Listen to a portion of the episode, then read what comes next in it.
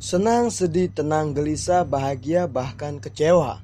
Semua bakal gua sajikan menjadi topik menarik yang akan menemani hari-hari kalian untuk selalu tetap bersyukur atas apa yang telah terjadi. Nantikan episode-episode menarik di setiap minggunya hanya di Ras Podcast.